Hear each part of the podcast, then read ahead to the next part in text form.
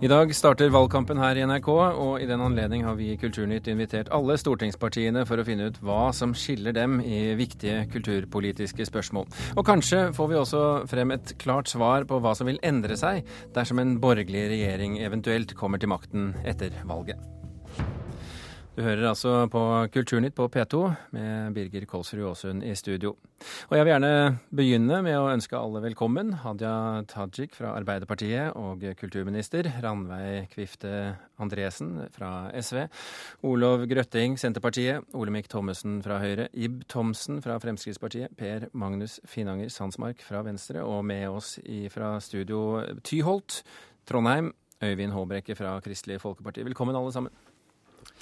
Og det nikkes rundt, uh, rundt bordet.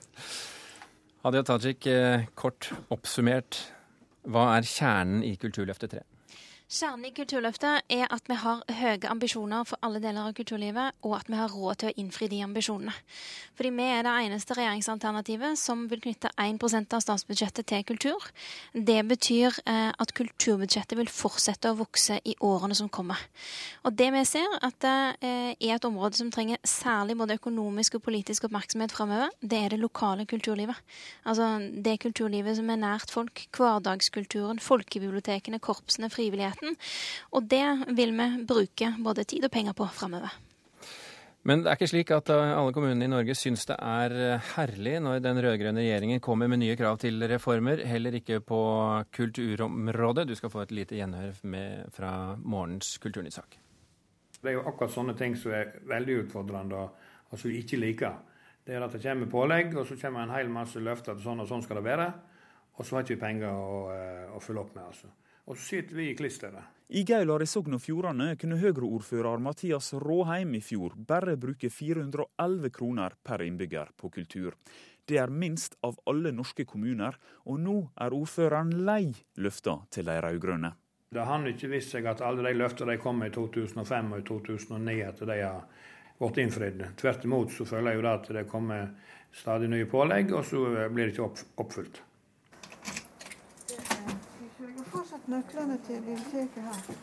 Den minste av de to små biblioteksfilialene i Gaular har vært feriestengt etter Svanhild Oppedal for noen uker siden pensjonerte seg fra stillinga som biblioteksjef. Ja, da hadde jeg ansvar for alt av bibliotekdrifta. Og i kommunen som bruker minst på kultur, var det ei utfordrende oppgave, forteller Oppedal. Jeg vil nok kanskje si at fra min plass som kulturarbeider, så har jeg ofte hatt en kjensle av at det nærmest var litt ei plage. Det er noe vi må ha på til slutt. Det er Hoslemoen som kjem i kveld. Nå til kommunen som bruker mest på kultur per innbygger. Kraftkommunen Bykle øst i Setesdalen. Her har offentlige penger gitt sommerjobb til kvederen Sigrid Jorde og et knippe andre folkemusikere. Så vi har hatt 23 eh, konserter for eh, turister og fastboende. Det er unge, lokale kulturbærere som har som sommerjobb å fremme setsalskulturen. Lønn til Kulturpatruljen er nærmest som en dråpe i kraftmagasinene for Arbeiderpartiordfører Jon Rolf Næss. I fjor brukte han 20 192 kulturkroner på hver av sine innbyggere. Vi har, eh, er veldig godt tilpassa det kulturløftet som eh, har vært, og som er meldt fremover. Hvis det blir særlig en blå-blå regjering, så er jeg veldig redd for kultursektoren. altså Det må jeg bare si. Politisk sett står ordføreren som bruker mest, et stykke fra ordføreren som bruker minst. Men de er enige om én en ting. Vi har, har og får jo stadig nye reformer tredd over huet på oss. De sier jo, særlig nå i valgkampen, tverrpolitisk, at det er jo ingenting de er mer interessert i enn å lytte og ta oss på alvor. Men, eh, men eh, det er jo ikke alltid vi føler det sånn, altså. Reporter her, det var Sondre Bjørdal. Olav Grøtting, Senterpartiet. Hvordan kan det ha seg at norske kommuner syns det er en plage når den rød-grønne regjeringen kommer med kulturløft? Ja, Det tror jeg virkelig ikke at de fleste kommuner mener. Jeg tror at eh, kommunene virkelig vil satse på kultur, og vil satse på den kulturelle grunnmuren. Men blir kommuneøkonomien for dårlig, da vil de kutte. Så kommuneøkonomi er noe av det aller, aller viktigste, og det har vi satsa på de siste åtte åra. Og det skal vi satse på framover. Men her var det jo selv den rikeste kommunen omtrent i landet syns det var eh, plagsomt med å, å, å få kulturpolitikk tredd nedover ørene. Ja, men vi mener at eh, kulturpolitikken skal gro ifra grasrota. Det skal ikke være pålegg for åssen han skal utøve kulturpolitikken, men det er viktig med kulturpolitikk i alle kommuner. Ib Thomsen, Fremskrittspartiet. Mang en gang har du og tidligere kulturpolitiske talsmenn eh, fra ditt parti sittet her i studio og snakket om behovet for satsing på lokalkultur og frivillighetskultur. Dere jublet vel da dere i går da dere hørte Kulturløftet 3? Ja, jeg syns det var positivt. Når man tar inn dette med bibliotekene, man tar inn dette med korpsene, så syns vi det er veldig positivt. Men hvor forpliktende det er, det er jo da litt usikkert. Vi hadde sett for oss at man hadde øremerket disse midlene, og kanskje går enda lengre og tar fra Kulturrådet makt og overfører enda mer penger til kommunene. Men forpliktende, altså eh, Den rød-grønne regjeringen har jo økt kulturbudsjettet fra 5 til 10 milliarder kroner. Det ligger en viss forpliktelse i det? Det gjør det, og det er mye penger. Og Frp kommer ikke til å bruke så mye penger på kulturen, men det er hvordan man bruker det dem. Eh, vi vil ikke at de skal styres fra Oslo eh, eller Kulturdepartementet eller Kulturrådet. Vi mener faktisk at vi skal sende mer penger ut til kommunene. Og at Så får kommunene prioritere. Det er jo der talentene bor ute i kommunene, og det er jo der kulturen utvikles i dette landet. Så vi er på riktig retning, og jeg er glad for at kulturministeren har kommet med dette nå. Vi har riktignok fremmet et tilsvarende forslag i Stortinget og blir nedstemt, men det spiller jo ikke noen rolle for oss vi, så lenge kulturen kommer ut i, i kommunene. Nye tider, vet du. Ranveig Kvifte Andresen, Sosialistisk eh, Venstreparti. Er det litt rart å legge frem et kulturløft med politikk som Fremskrittspartiet i så mange år har kjempet for? Jeg syns ikke det er noe rart å legge fram en uh, kulturpolitikk og et kulturløft nå som uh, tar tak i det som man er fullt enige om at er hovedutfordringa, nemlig kulturen ute hos folk flest. Det er jo grunnmuren som Enger-rapporten konkluderte med at nå må styrkes. Folkebibliotekene, kulturskolen ble nevnt som de man virkelig bør satse på. De forrige årene så har vi gitt veldig mye til store institusjoner. det har vært en styrking sentralt, og det er nå Eh, kommunene og lokalkulturen som eh, er de neste som må få midler. Og det er jo bare fint om man er eh, skjønt enig i det. Så Men, er vi jo uenighet om hvor mye penger vi faktisk skal bruke på det. Frp sier jo nå veldig klart at de vil bruke mindre mm. penger. Mm. Det, det, er ikke helt riktig når jeg sier at dere har fnyst av Frp. Men dere har nå engang ikke valgt å følge den den politikken de har fulgt. Nå gjør dere det, i hvert fall det de har ønsket. Føles det litt rart? Eh, nei, det føles ikke rart, for dette er jo snakk om totalpakker. Eh, eh, vi må se politikken i sammenheng. Vi har lagt fram konkrete kulturløfter i 2005 og 2009 som vi har vært nødt til å følge opp. Og da kan man jo ikke gå på andre forslag som kommer på siden av og kanten av det. Eh, nå har vi hatt en gjennomgang og evaluering av Kulturløftet 1 og 2, og ser at eh, der man virkelig trenger å satse nå, er kulturen lokalt. For SV er det viktig at det skjer, og vi vil spesielt framheve barn og unge. Et løft for barn og unge i kommunene der hvor de bor, er kjempeviktig nå videre. Øyvind Håbrekke, Kristelig Folkeparti, som altså er på linje fra Trondheim og ikke ser oss her nede i studio. Eh, hvordan vil KrFs kulturpolitikk skille seg fra Kulturløftet 3? Jo, da vil jeg svare med å stille et enkelt spørsmål. Altså hvis du, hvis jeg kan spørre P2s lyttere eller programlederen eller hvem som helst. Hvis vi får mulighet til å bruke 1 milliard statlige kroner på kultur, hvor vil vi da starte? Jo, de fleste, og KrF svarer da, det aller viktigste må jo være å gi unger og ungdom mulighet til å lære seg å synge og spille og danse og utfolde seg gjennom kultur. Og hva er viktig da? Jo, kulturskoler, kor og korps. Og Det vi har sett nå i Kulturløftet, det er jo at de her områdene har blitt eh, nærmest eh, utelatt, og ikke fått knapt nok fått noen ting av Kulturløftet. Men, det, men, men, er, er, ikke dette nøyaktig det samme som eh, Kvifte Andresen sa nå?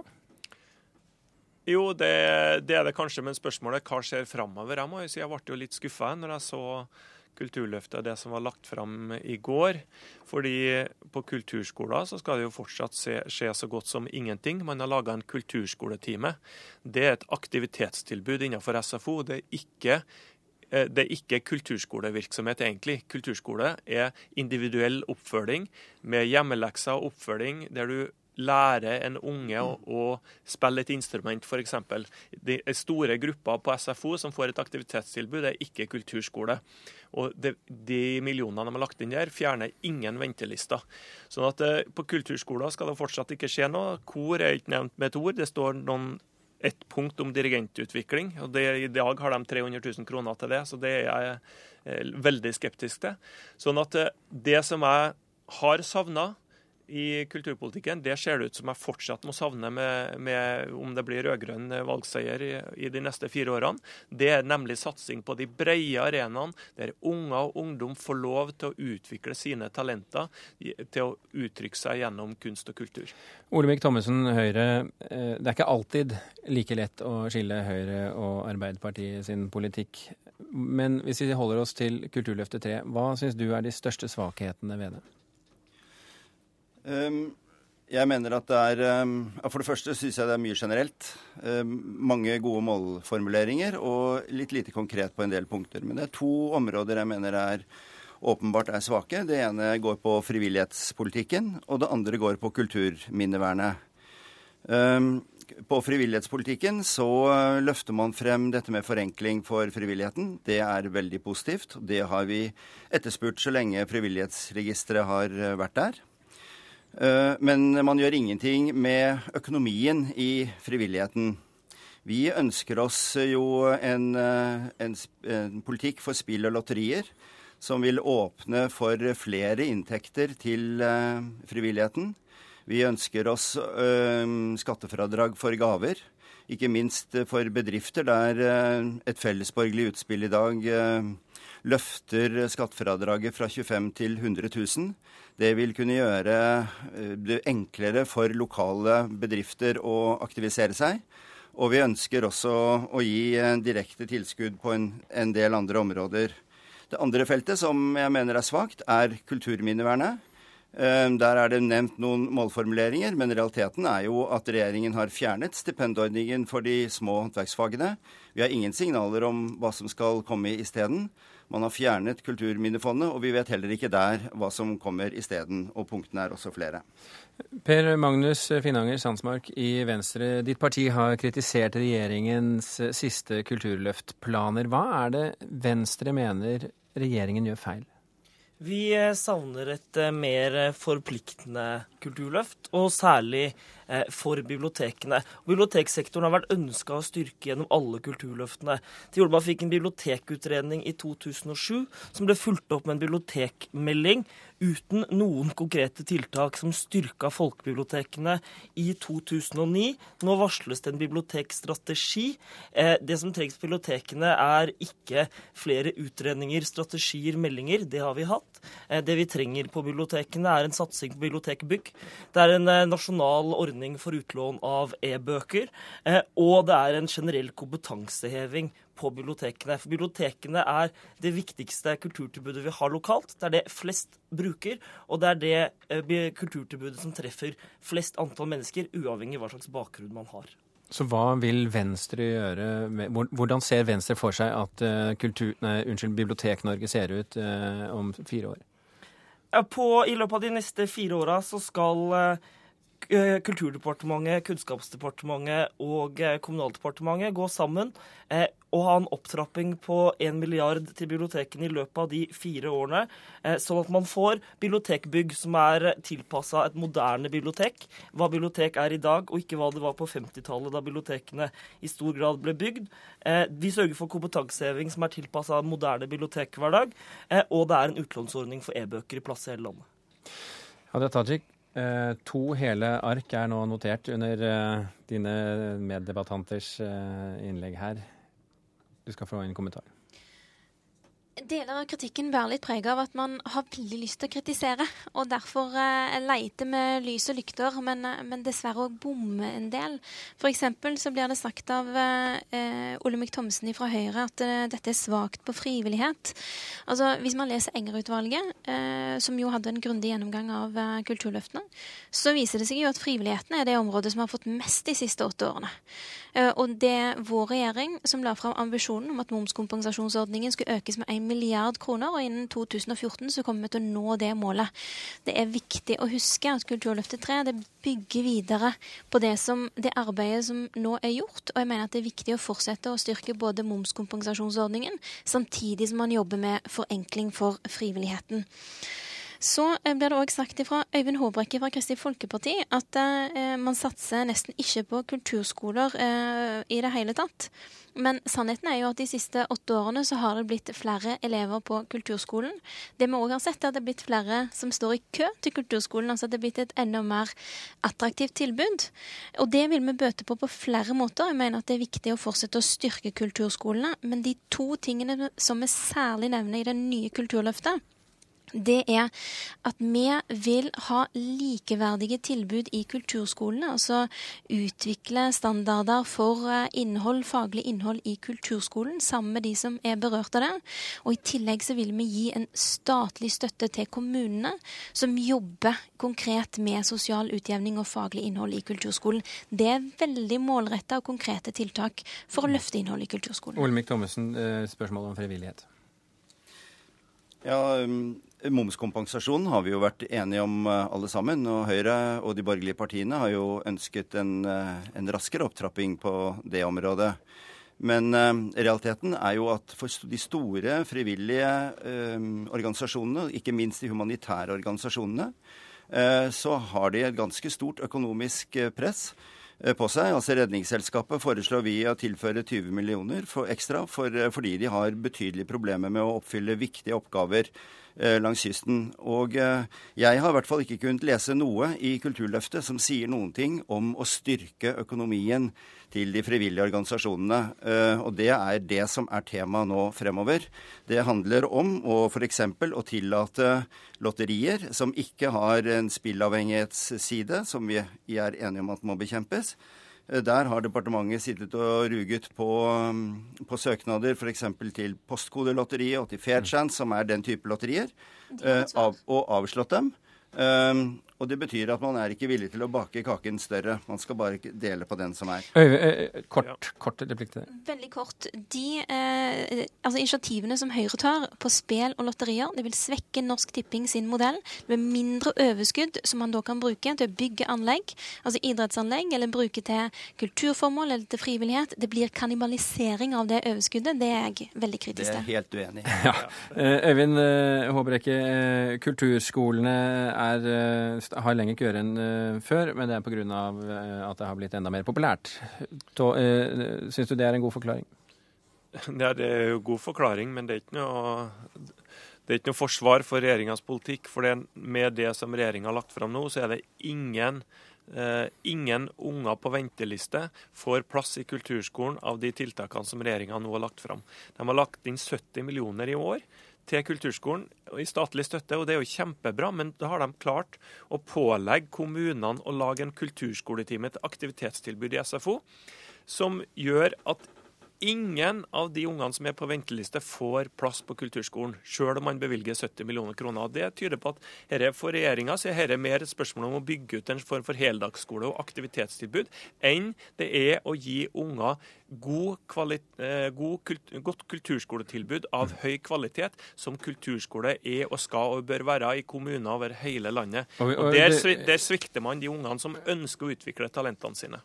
Vi skylder å gjøre våre lyttere oppmerksom på at vi selvfølgelig ikke kan uh, ta hvert eneste tema i sin fulle dybde her i denne paneldebatten, for vi må uh, videre. Og et skritt uh, videre her nå, det er selvfølgelig Vi har jo én kulturminister her, og sikkert bare én som kan bli kulturminister hvis det eventuelt kommer en ny regjering.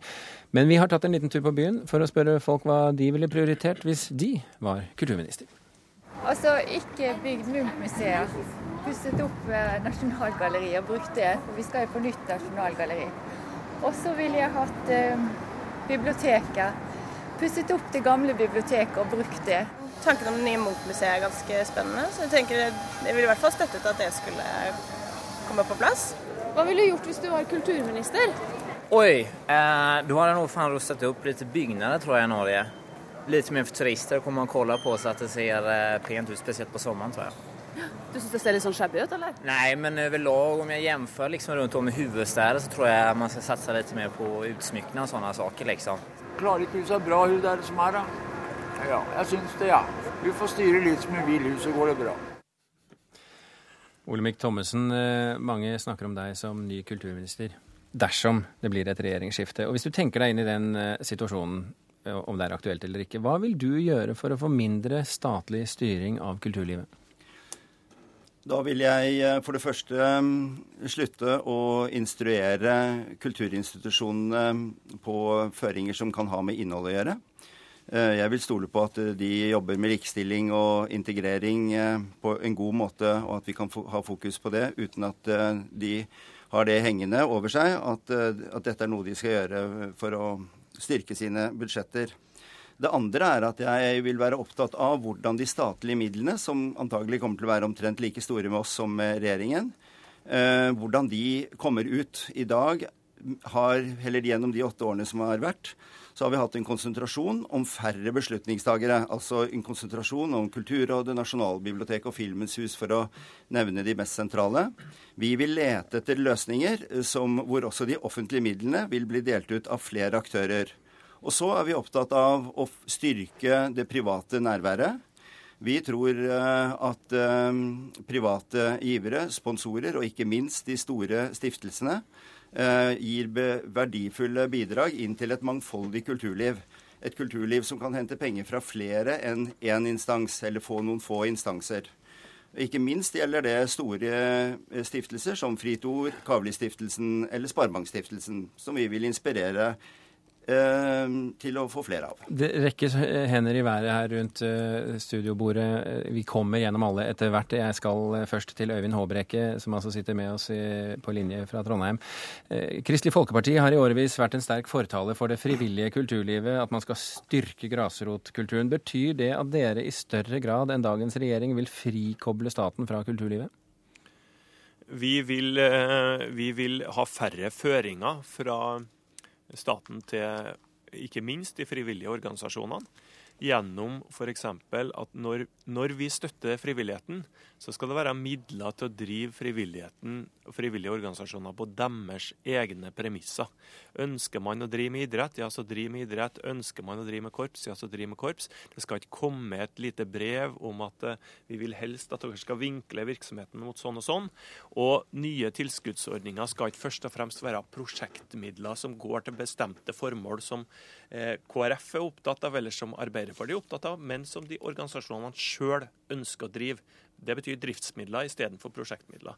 Og så vil vi fjerne type føringer som nå går i tildelingsbrevene til institusjonene om at man skal drive med inkludering og likestilling osv. på en måte som regjeringa liker. Den type føringer vil vi fjerne, og vi vil legge til rette for ulike finansieringskilder, private og offentlige. Da sprer vi makta, og da åpner vi for et friere kulturliv. Ib Thomsen, er Frp det partiet som i størst grad vil gjøre kulturlivet mindre avhengig av staten?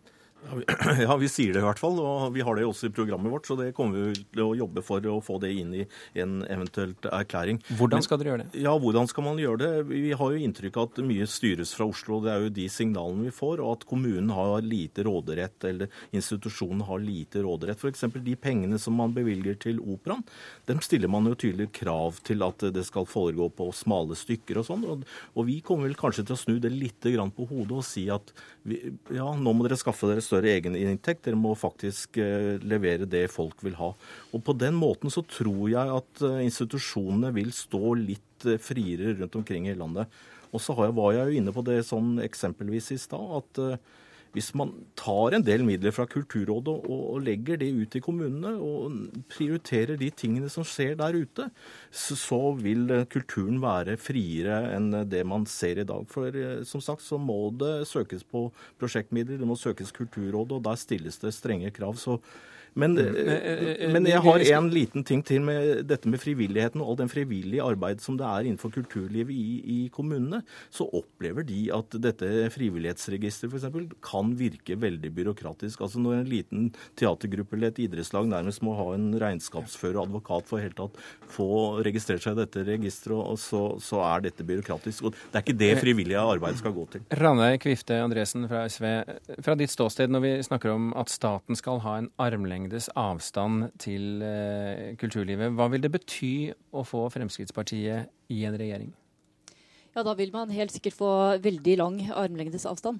Eh, jo, de ønsker jo å legge alt til eh, private interesser. Og når Ib Thomsen sier at de ønsker at man skal ha stykker som folk vil ha, så blir jo det også da en, en eh, eh, mengde mennesker som vil ha dette. Men så får man ikke de smalere stykkene, som da en mindre mengde mennesker vil ha. Så at det er jo en god del som ikke får det de vil ha, hvis man eh, bare skal ha bestselgere. Det være seg innenfor teater, opera, eh, bøker osv. Men, men prinsippet om at politikere ikke skal instruere hva det kulturelle innholdet skal være, som f.eks. man har sett eksempler på når det gjelder Mangfoldsåret? Ja. Vi er jo enig i at eh, det skal eh, være grenser for hvor langt politikerne skal gå. Men jeg syns det er helt på sin plass at eh, vi legger noen føringer. Eller at vi forventer at alle skal ha muligheten til å være med på kulturaktiviteter. At vi har en inkluderingstanke. At vi fremmer likestilling i, i våre sentrale kulturinstitusjoner. At alle skal føle at de har tilgjengelighet til de forskjellige kulturinstitusjonene. Hvis man ikke gir, gir noen føringer på det, og sier at vi har noen forventninger om til, tilgjengelighet og mangfold for alle, så vil, man, vil det medføre at det er en god del mennesker som ikke vil nyte godt av kulturen. Vi, vi vil også oppleve at uh, veldig mange uh, som ikke har de, de gode inntektene, ikke vil kunne nyte godt av kulturinstitusjonene. Per Magnus eh, Finanger Sandsmark Venstre, ditt parti hva skal vi si, elsker jo ikke Frp i ett og alt, men uh, tror du ikke at det kan være nyttig som det liberale partiet dere er, å la Frp få løsne på noen av statens grep og noe av statens grep på kulturlivet? Jeg tror det er bedre at vi gjør det enn at Frp gjør det, eh, i utgangspunktet. Eh, det man eh, trenger, er jo å få flere finansiører. Vi må ha flere pengesekker, eh, sånn at man får spredt makt. Penger er makt, og særlig når statsbudsjettet på kultursida har økt så mye, så blir òg maktkonsentrasjonen større. Og vi har f.eks. utrolig eh, mange museumssamlinger i dette landet som står og støver ned. Eh, hvis vi hadde hatt en gaveforsterkningsordning for museer, sånn at hvis noen ga en gave til et museum, så støtta staten eh, opp med midler til det, så hadde vi hatt muligheten eh, til å få tatt vare på kulturarven vår. Vi hadde fått flere frivillig aktivitet rundt disse samlingene, og vi hadde samtidig fått spredd makt. Og regjeringa bruker jo gaveforsterkningsprinsippet i forskningspolitikken. Først fjerna de det for de ville ikke ha det, så innførte de igjen fordi de så at det fungerte. For det gjør at flere er med på å finansiere forskning, og tilsvarende burde vært innen kultur. Eh, Olav Grøtting, Senterpartiet, ligger det ikke i ditt partis eh, ryggrad så å si å la lokale krefter drive kultur, kulturlivet? Og hvor komfortabel er du i så fall med at stadig flere av bevilgninger går gjennom eh, Kulturrådet? Jo, det gjør det jo. Eh, Vi vil gjerne ha en, eh, et kulturliv ute som blomstrer og gror, og vi vil ha en fri kultur, og kunsten må være fri. Og den blir ikke fri med Fremskrittspartiets eh, kommersialisering av kunsten. Det er helt sikkert. Men blir den fri når alt går gjennom Kulturrådet? Eh, Vi ønsker at noen midler skal fordeles eh, via Vi ønsker å ta tilbake politisk styring over en del av kulturmidlene.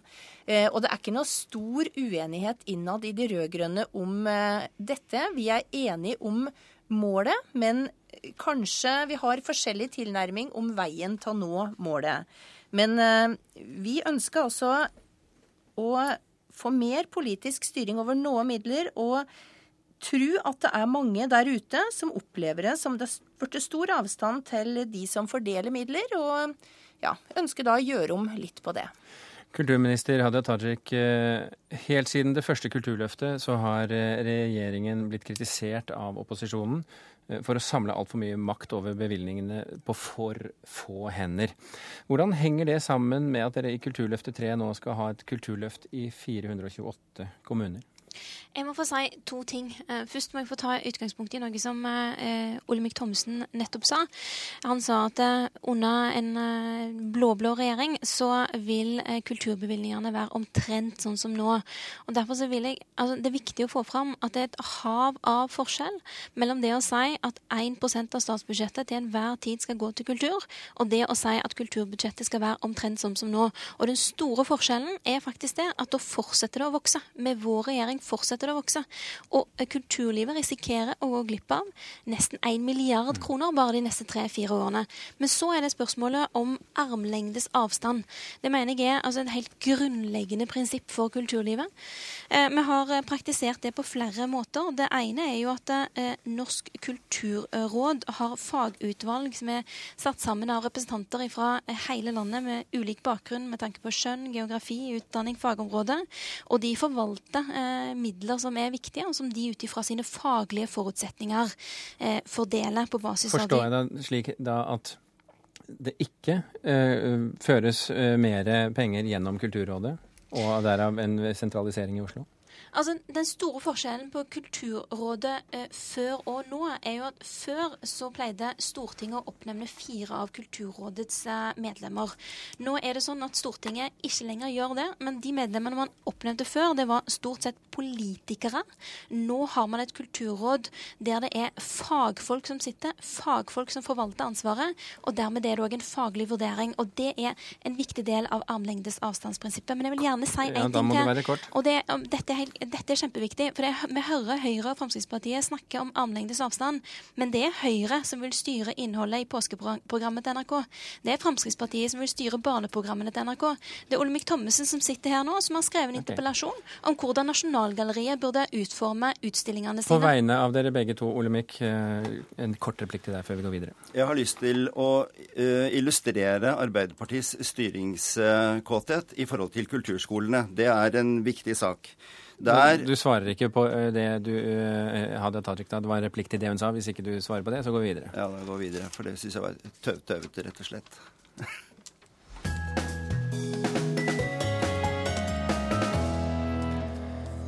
Klokken er ett og et halvt minutt over fem. Du hører på Kulturnytt, og dette er toppsaken i NRK Nyheter akkurat nå. Fengslingen av den avsatte presidenten i Egypt, Mohammed Morsi, er forlenget med 15 dager. Tiltalte for halloween-drapet nekter straffskyld, hevder han fikk en åpenbaring som førte til at han drepte barndomsvennen. Og over 100 000 personer har skrevet under på at de vil gi spiondømte Bradley Manning fredsprisen. Tilbake til våre kulturministre på gaten. Her skal vi få høre hva de ville gjort med mediepolitikken. Jeg syns lokalavisene fortjener litt, eh, litt mer kred, også. Og, og det er viktig med lokalaviser, syns jeg.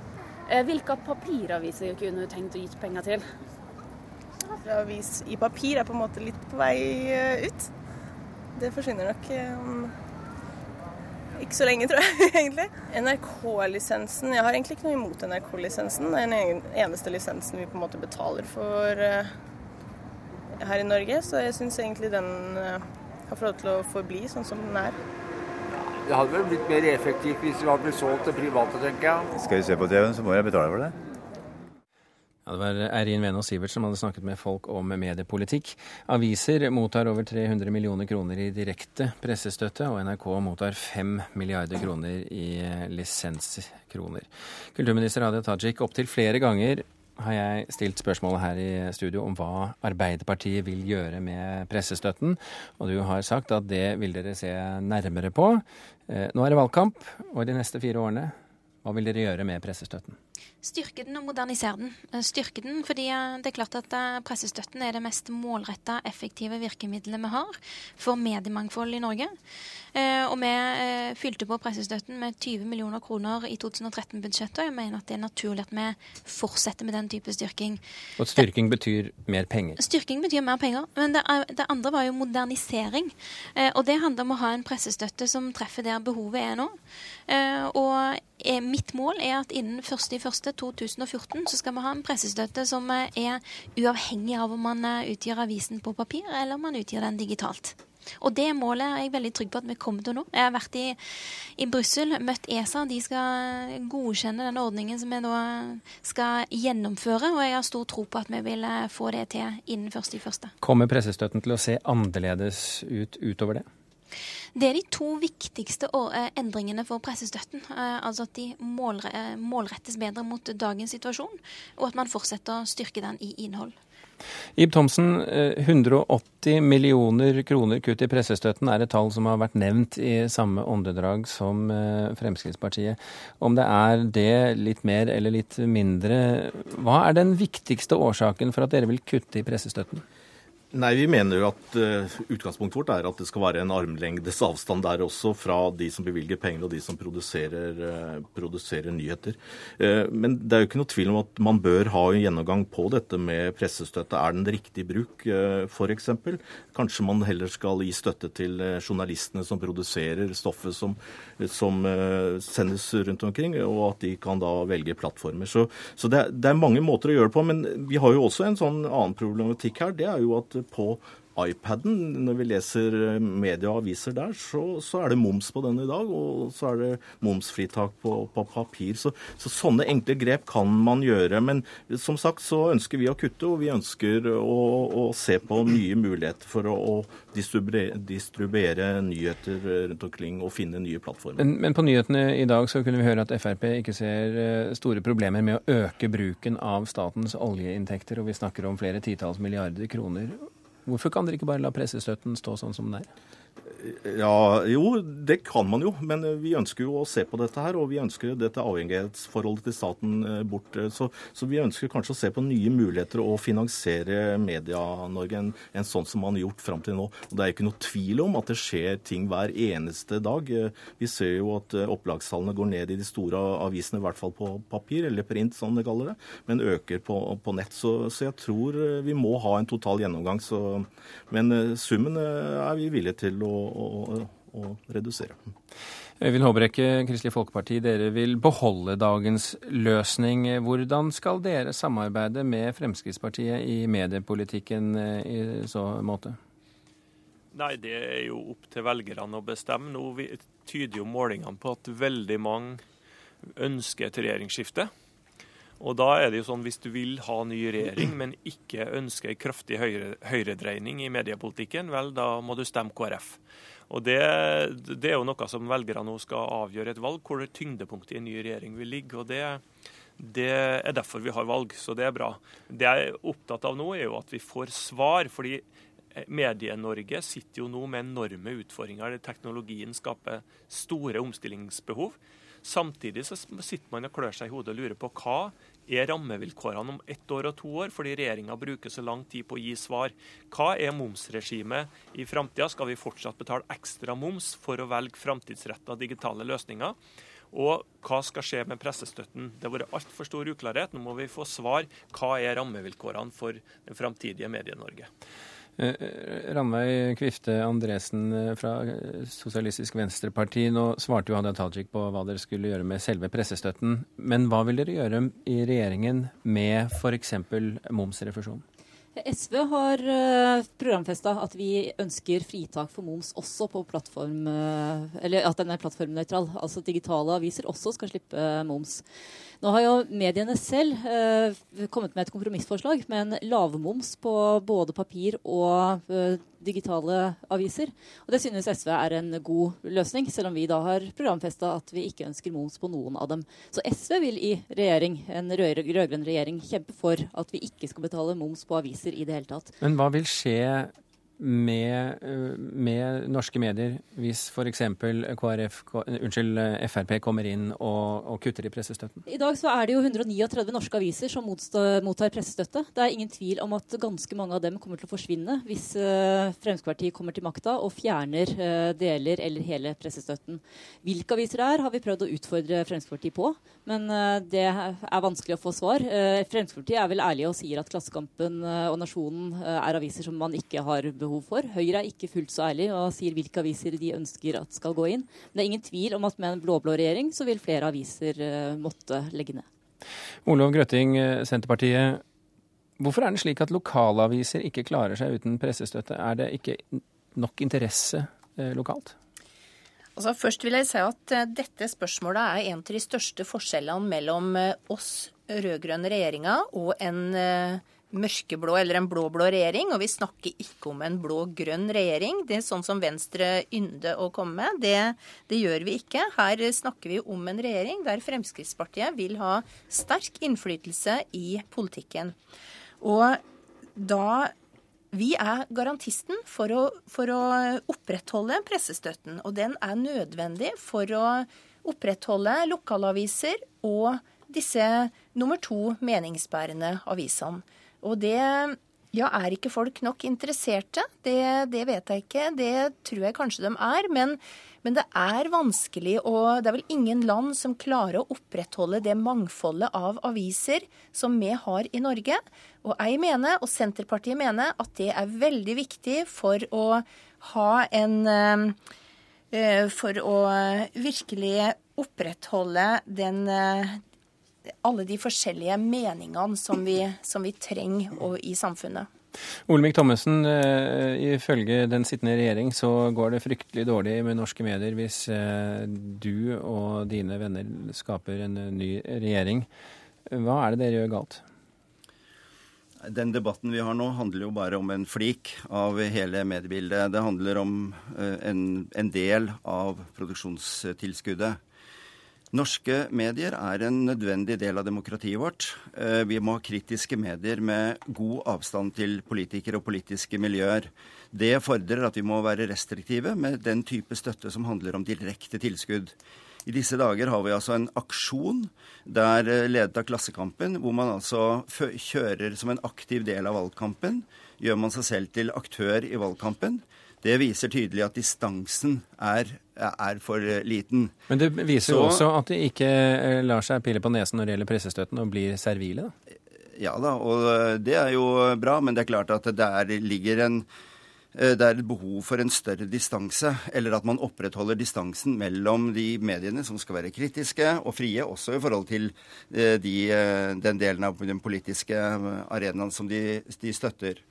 Så mener jeg at det for at vi skal i fremtiden ha bærekraftige medier i Norge, så er det de store grepene i mediepolitikken som er viktig. Der har regjeringen glimret med sitt fravær i åtte år, og nå tårner det seg opp.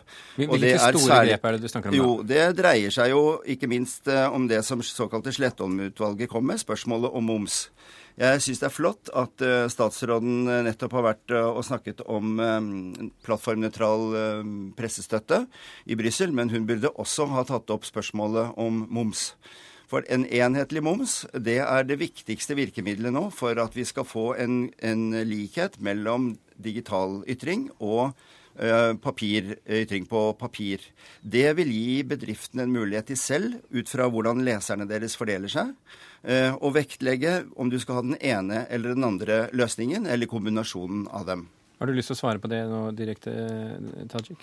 Gjerne. Først vil jeg minne om at eh, det er jo ikke bare Arbeiderpartiet eller regjeringen som har advart mot hva som kan komme til å skje hvis man kutter så dramatisk i pressestøtten som det Høyre og Fremskrittspartiet legger opp til. Det har jo òg en rekke Høyre-nestorer gjort. Gått ut i avisene og sagt at dette er svært alvorlig. Vi ber vårt gamle parti om å skifte, det, skifte standpunkt. Kjell Magne Bondevik har også gått ut og sagt det samme. Og det viser jo at eh, det er jo ikke bare de statsservile mediene, da, som Olemic Thommessen anser de for å være, som har dette standpunktet. Og det er heller ikke deres politiske motstandere bare som har dette standpunktet.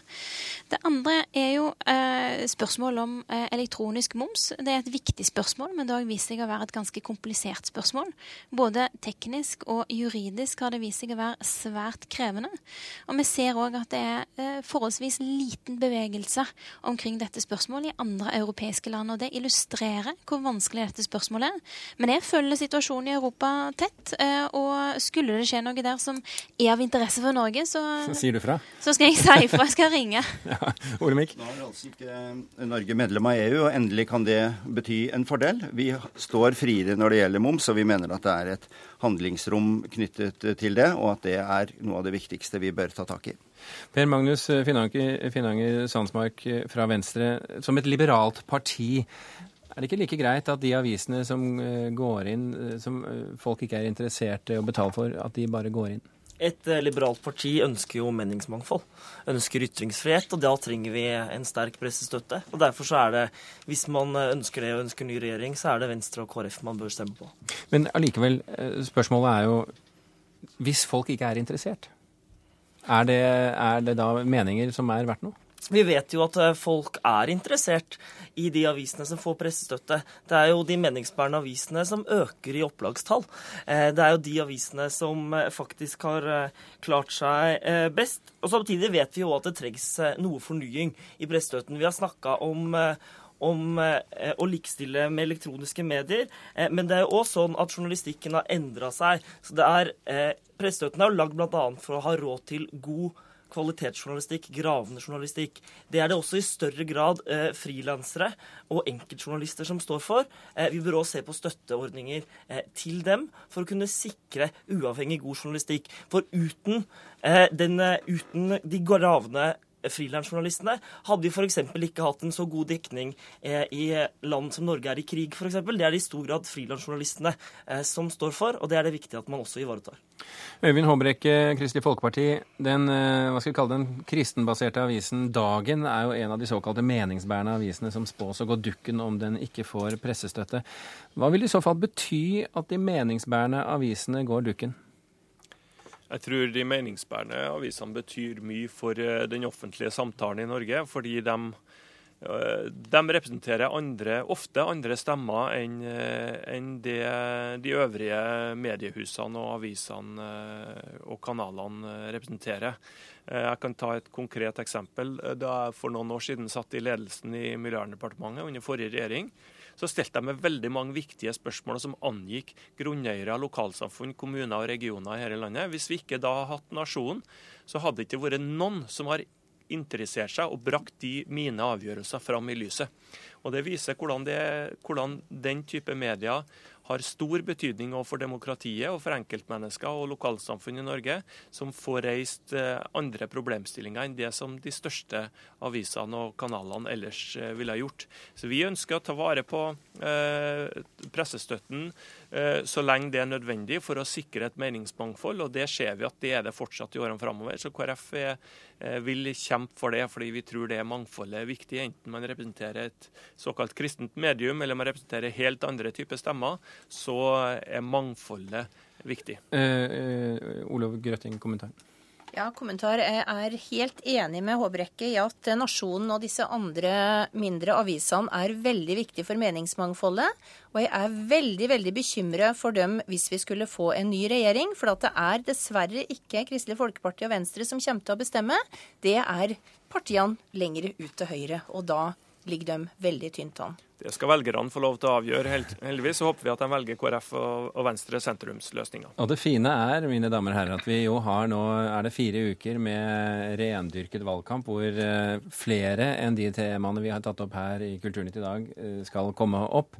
Eh, jeg vil takke dere så mye for at dere kom. Hadia Tajik, Ranveig Kvifte Andresen, Olov Grøtting, Olemic Thommessen, Ib Thomsen, Per Magnus Finanger Sandsmark og Øyvind Håbrekke. Lykke til alle sammen med valgkampen kampen de neste ukene.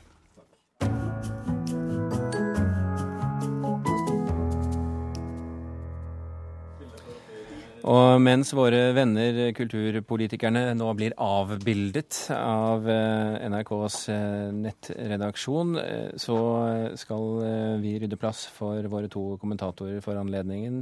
Og før det spiller litt musikk, for i dag åpner Oslo Jazzfestival med en hyllest til Nora Brogstedt. En rekke artister skal fremføre låter fra Brogstedts repertoar i anledning 90-årsdagen hennes tidligere i år. Og vi tjuvstarter litt. Her er Brogstedt med I Get A Kick Out of You.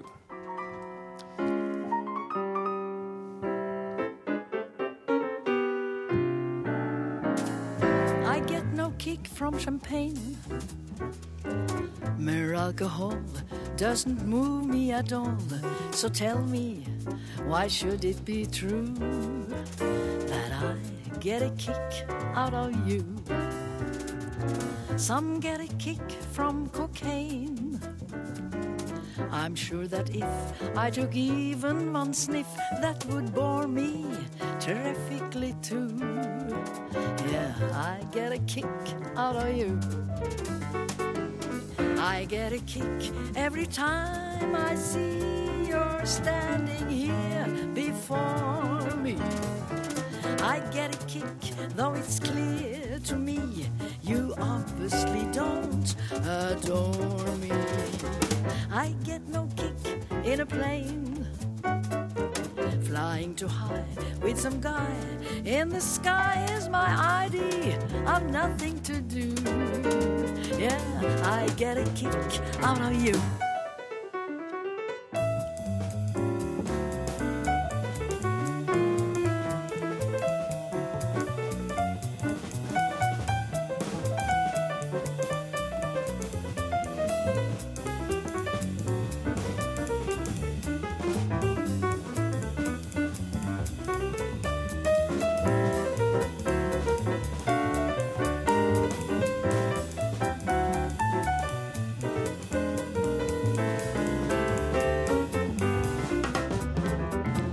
I get a kick every time I see you're standing here before me. I get a kick, though it's clear to me you obviously don't adore me. I get no kick in the plane, flying too high with some guy in the sky is my ID. I've nothing to do. Yeah, I get a kick. I get a bump. I get a kick out of you.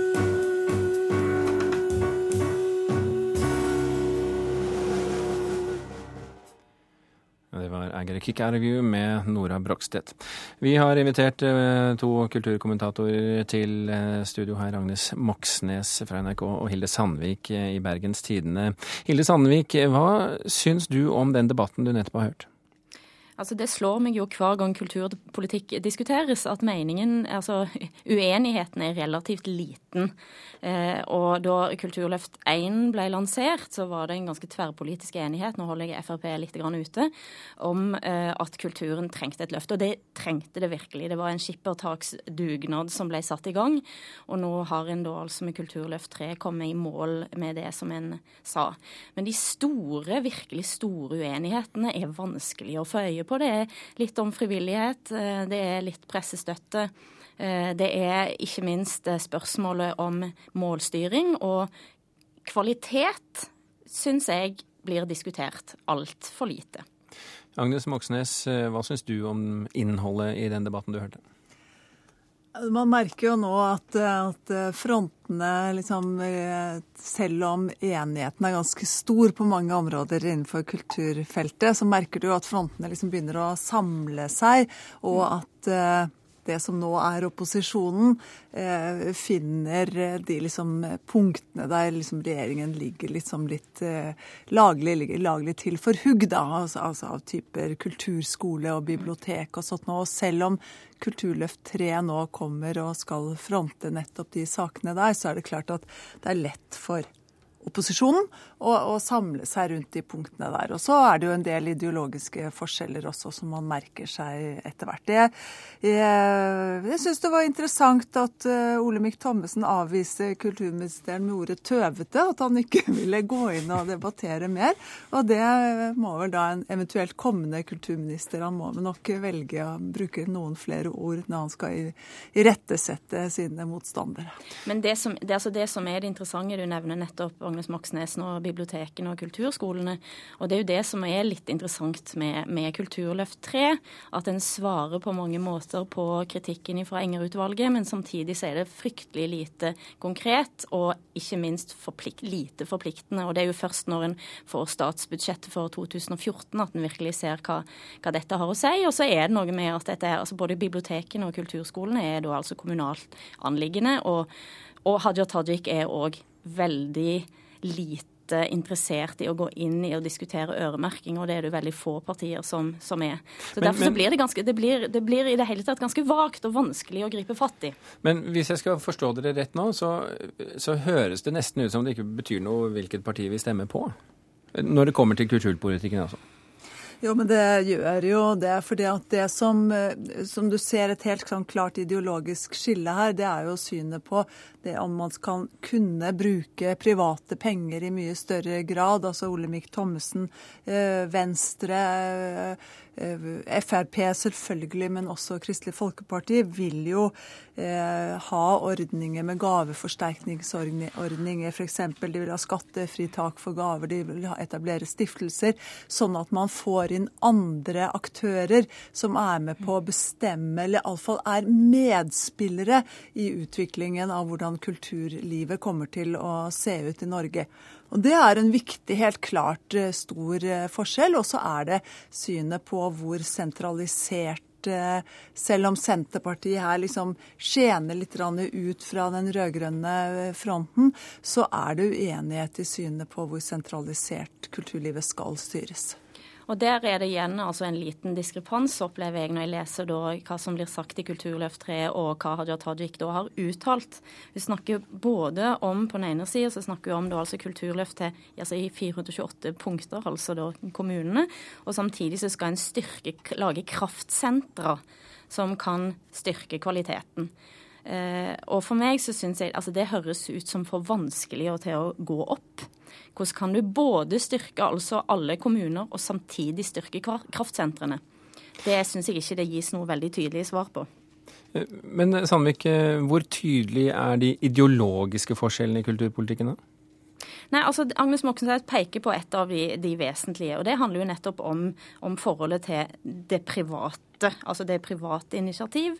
Og det handler til viss grad òg om, eh, om sentraliseringen. Nå har kulturpolitikken eh, i Norge vært styrt langs to akser eh, veldig lenge. Langs altså enten altså, eh, samfunnsutviklingsperspektiv eller distriktsutviklingsperspektiv eller hovedstadsbygging.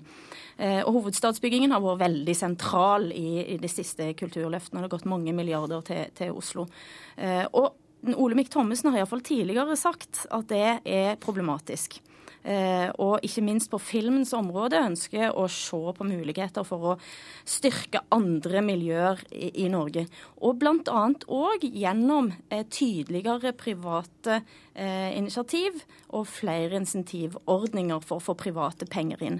Og det som er interessant å merke seg, at Hadia Tajik sa altså til Dagsavisen på fredag at det finnes egentlig ikke noe alternativ til Kulturløftet. Altså det, høres, det er ganske defaistisk og, og litt Altså, det fins ingen alternativ. Og det kan Mente vel det finnes ingen gode alternativer? Nei, men altså, det, altså, da har en jo òg på en eller annen måte malt seg inn i et hjørne. Kanskje er det nå da sånn at en har ikke alternativer til statlige penger. Eh, eh sant? Og det, Der er det en stor vesentlig forskjell mellom, eh, mellom blokkene. Agnes Moxnes, syns du også eh, Kulturløft 3 ligner mye på Fremskrittspartiets politikk? Det er jo blitt en slags, liksom, sånn, eh, slags uh, kamp om uh, liksom, hverdagskulturen nå. Det er vel det vi ser med Kulturløftet 3. Uh, og det er en klar interesse for alle partier å henvende seg til frivilligheten fordi at den er stor, og det er en entusiastisk gruppe som er blitt oversett i altfor mange år. Så det skulle bare mangle at ikke det kom. Fremskrittspartiet var først ute, fordi at de har vel følt den, den største nærheten til den gruppen. Men, men at, eh, at, det kommer, ja, det er, eh, det er en, en, tilnærming her. Det kan man nok se. Er dette noe du kan si deg enig i, Sandvik? Ja, altså det er Et av de store problemene med kulturløftene så langt er jo at det har vist seg at en har ikke fått noe større publikum. En har ikke hatt noe større bredde, og det har jo vært et mål hele tiden. Eh, og det å da satse både på kvalitet og på bredde samtidig, klarer en, den, klarer en å knekke den nøtten, så har en jo virkelig klart å, å gjøre noen ting. Lynkort til slutt, eh, mine damer. Skal vi glede oss til eh, kulturvalgkampen de neste ukene? Altså, Hilde er jo alltid mye mer eh, pessimistisk med hensyn til hvilken eh, plass kulturen får i valgkampen, men jeg lurer på om jeg ikke begynner å bli enig med henne. er, du, er, du, enig med Agnes i det, Hilde? jeg er enig med at jeg er pessimistisk. Agnes Moxnes og Hilde Sandvik, tusen hjertelig takk for at dere var med oss i denne sendingen. Vi runder av Kulturnytt nå, og jeg bare gjør oppmerksom på at du kan høre denne sendingen hvis du går inn på radio.nrk.no. Der ligger den foreløpig i direktesendingen, og så vil den bli en egen sending eh, om en times tid, kanskje. Produsent i dag, det var Halvor Haugen. Mannen som holdt orden på alle mikrofoner og alle spaker i dag, det var Karl Johan Rimstad.